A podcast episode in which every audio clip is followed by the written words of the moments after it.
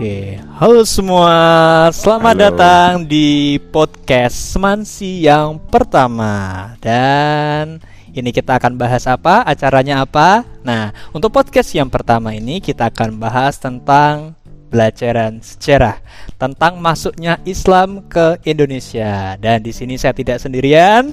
Kita akan bahas hal ini dengan seorang pakar Bintang tamu kita hari Wow. ini yaitu Jeng Jeng Jeng Jeng Halo? assalamualaikum Pak Nurdin. Iya, waalaikumsalam. Ini namanya Pak Nurudin atau lebih biasa dipanggil dengan Pak Din ya. Halo Pak Din, bagaimana kabarnya? Alhamdulillah bagus, baik, Oh sehat. iya. Ya. Alhamdulillah. Ya, ngomong-ngomong nih Pak Din, kita kan ini sudah mulai masuk bulan Ramadan. Bulan Ramadan itu kira-kira gimana Pak Din? Bulan apa sih itu? ya, kalau kita melihatnya ya sebagai bulan yang penuh berkah lah, artinya begitu penuh berkah. Kita menjalankan amaliyah puasa, menahan hawa nafsu dari fajar terbit sampai nanti matahari tenggelam, dari fajar sampai maghrib gitu.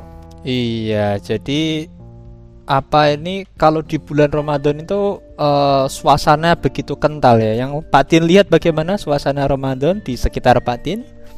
Ya kalau di sekitaran di wilayah misalnya di Bocah sini ya, jadi ada perubahan mungkin di sore hari banyak yang jalan-jalan mungkin mereka me, apa ini menunggu waktu buka dan Beli jajan. Ah, ya, itu yang bertambah itu yang jualan gitu ya. Iya, penjual takjil makin banyak ya Pak Tin ya. Iya, Semoga takjil. nanti sore kalau jalan-jalan gak macet ya Pak Tin Iya, ya. iya, iya. Oh, Biasanya itu di jalan Buja yang pemuda yang tengah itu sampai macet pak.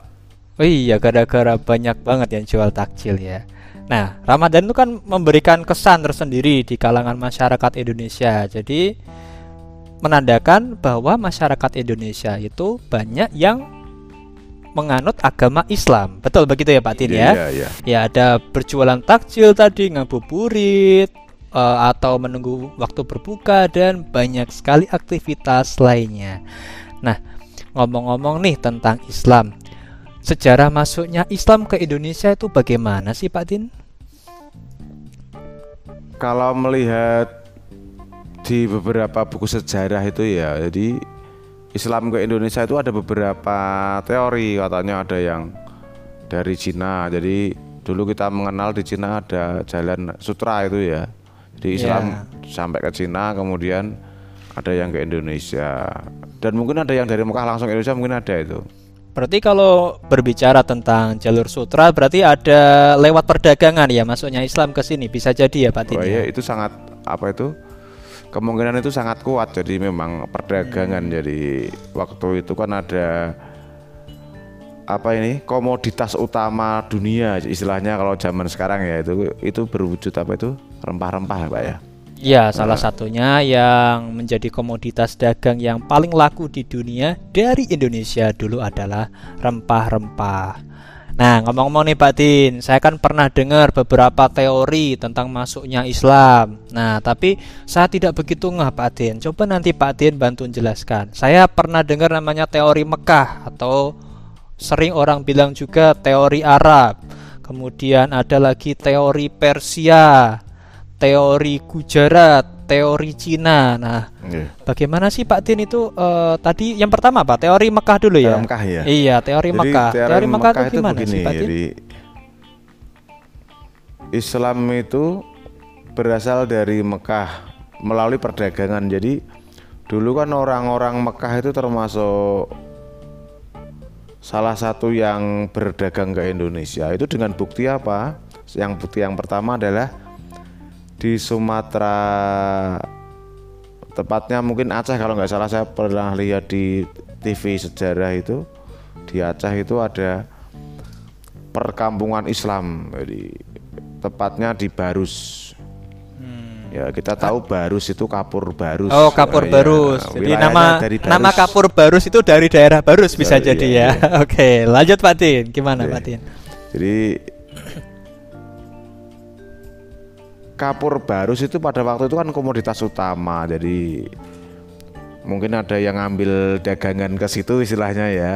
Itu kemudian mereka ada yang menikah dengan orang, Orang dari setempat, sini iya. ya lalu terjadi penyebaran agama, Agama. kurang lebih seperti itu Seperti ya. itu.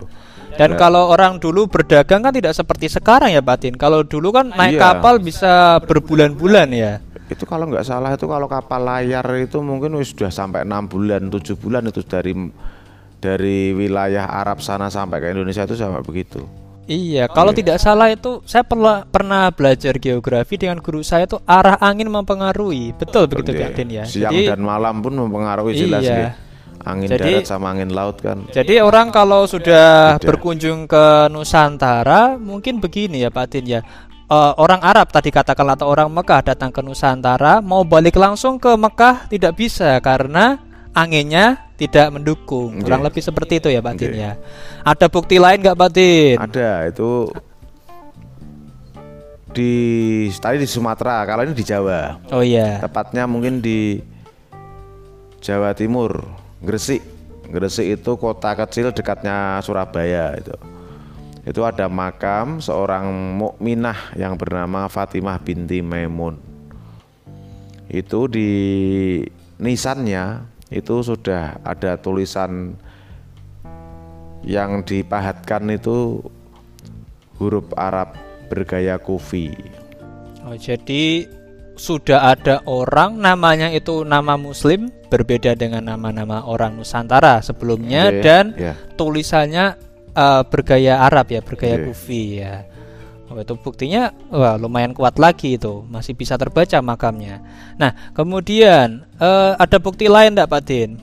Apakah ada bukti lain mungkin? Mungkin ada ya, ada ya, ada. Ini di dibuktikan juga dengan sebuah ada perkampungan Muslim di kerajaan atau di ibu ibu kota kerajaan Majapahit yang bernama Trowulan. Oh, di Trowulan Ya, Mojokerto ya. Jadi ada kampung Muslim berarti ada orang-orang Muslim, Muslim, di iya. situ ya. Sudah kuat itu. ternyata. Lumayan. Iya, lumayan ya. Nah, tapi saya pernah dengar juga teori yang lain nih, Pak Tin. Teori Persia. Kalau nggak salah kan Persia itu Iran, Irak ya. Ya, gimana itu, Pak Tin? Bisa ceritakan sedikit, Pak? Teori Iran-Irak ini atau yang dulu dua negara ini kan disebut Persia gitu. Nah, itu dibuktikan dengan sebuah tradisi di mana itu di Bengkulu mungkin ya, Pak ya. Jadi di Bengkulu dan di Sumatera Barat itu ada sebuah tradisi setiap tanggal 10 Muharram. Yang mana penghormatan kepada tanggal 10 Muharram itu merupakan faham atau madhab yang banyak diikuti oleh umat Islam yang di Persia untuk mengenang cucu Nabi Muhammad SAW Sayyidina Husain bin Ali. Oh, jadi ada kesamaan tradisi Ada kesamaan begitu tradisi. ya. Oh ya, berarti ada kaitannya. Oke, masuk Pak Din. Lumayan nih ya, kita belajar sejarah hari ini. Lalu ada juga nih eh, bukti apa bukti yang lain enggak Pak Din? Ada juga itu di Persia itu ada tokoh sufi bernama Al-Halaj itu yang dia itu mati eh, meninggalnya itu dibunuh atau di di dikorbankan lah. Itu di Jawa juga ada yang hampir mirip ceritanya namanya Sasti Jenar. Dia seorang sufi yang sekarang makamnya di Mantingan Jepara. Oh, iya iya. Itu iya. teorinya hampir sama itu.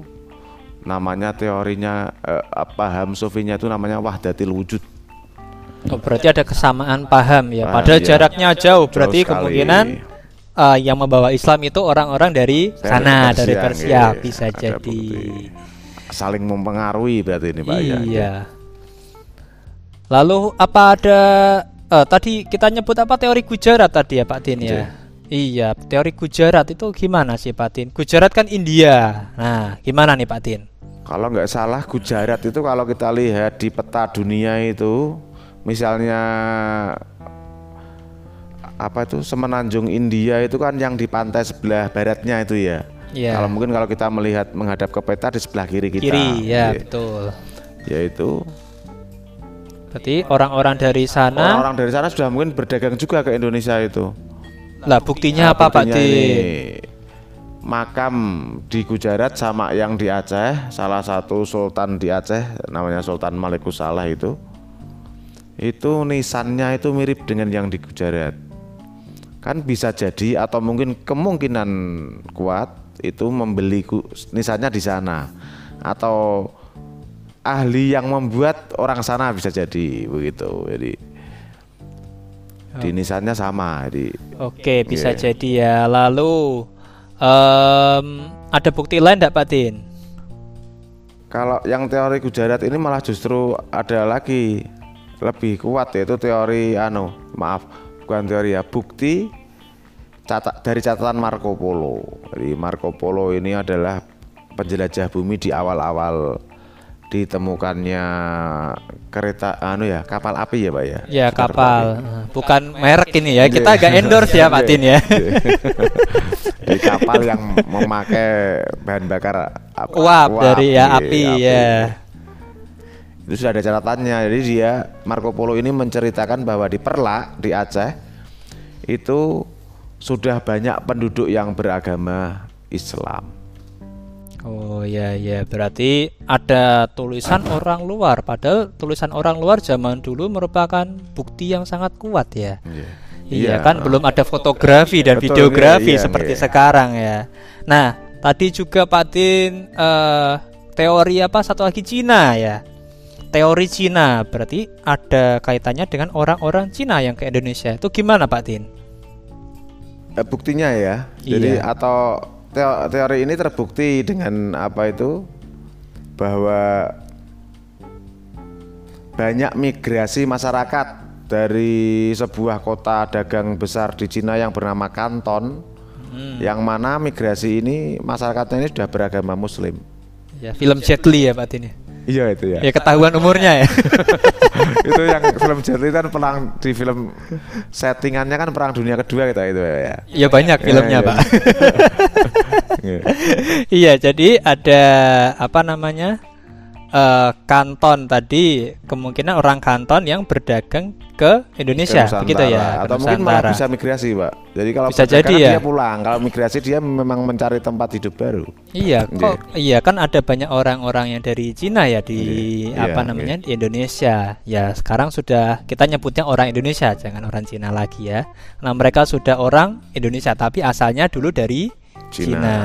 Ya, ya pernah saya dengar juga bahwa Raden Patah itu Raja Demak. Ini yang teori Cina yaitu eh, penulisan gelar-gelar Raja Demak itu ada istilah Cinanya. Berarti kemungkinan eh, Raja-Raja Demak itu sudah berkomunikasi dengan orang-orang dari Cina. Cina. Pada kerajaan Demak itu kerajaan Islam. Iya, sudah ada akulturasi budaya mungkin ya. Jadi Iya. dari Majapahit dengan yang di Cina.